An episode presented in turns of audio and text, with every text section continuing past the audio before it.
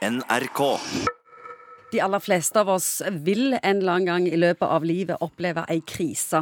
Det kan være trafikkulykker, dødsfall, livstruende sykdom, skilsmisse, voldtekt, hva som helst.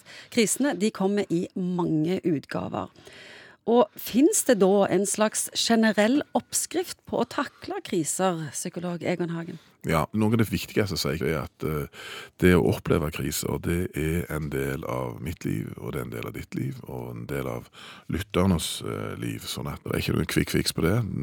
Denne type innpakning av smerter og overraskelser og uforutsette livshendelser vil vi i større eller mindre grad oppleve, noen hver av oss. Og de har det med å komme veldig brått på.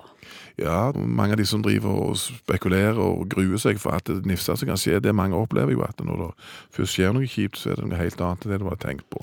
Så det går ikke alltid an å forberede seg heller. Noe spesielt. Det er ikke spesielt lurt å gjøre det heller, tror jeg. Nei, for, at, ok, for mitt neste spørsmål var er det lurt å tenke gjennom ulike kriser på forhånd? Altså. Da får du ikke gjort mye annet, kan du si. For det, det, alt kan jo skje. Det kan jo ja, fra bomber til terror til sykdom. altså Det er ingen grenser for det. Så det tror jeg er et grunnleggende tåpelig prosjekt? Jeg tenker jo sånn umiddelbart at kriser det må jo alltid være negativt. Iallfall selve det som oppstår, pleier å være negativt. Fins det noe styrke i krisen? Ja, kriser, det er gamle kinesiske ordtaket om at eh, tegnet for kriser, det er òg en mulighet.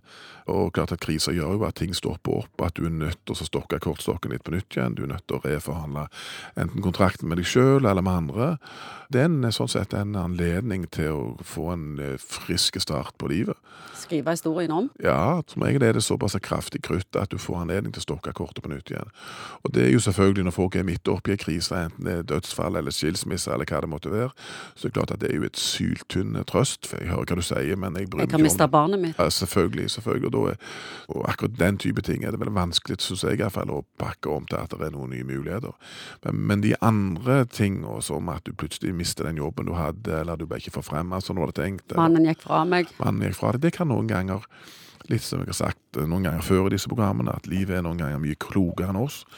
Og heldigvis får vi ikke alltid helt sånn som vi vil. Og noen av hver har kanskje opplevd at det som en gang så ut som ei svær krise, og som om verden ble snudd på hodet, i ettertid har vist seg å skape ganske mange nye muligheter, og har gjort at livsløpet ditt ble annerledes enn det du tenkte. Går det an å si noe om typiske feil en har en tendens til å gjøre under kriser, eller hva en skal passe på? Ja, vi er jo forskjellige. altså vi har jo Noen har jo eh, flere som personlighetsmessige buffere, eller har jeg skrudd sammen sånn fra naturens side at de er lettere å eh, håndtere kriser. Og Hvis du f.eks. har vært ut for mange kriser før, sånn kanskje når du var liten, så kan det godt være at du har en sånn hyperresponsivitet i forhold til kriser. Det vil si at du ikke egentlig håndterer det så bra. At du får veldig sterk sånn alarmberedskap egentlig på ganske små hendelser.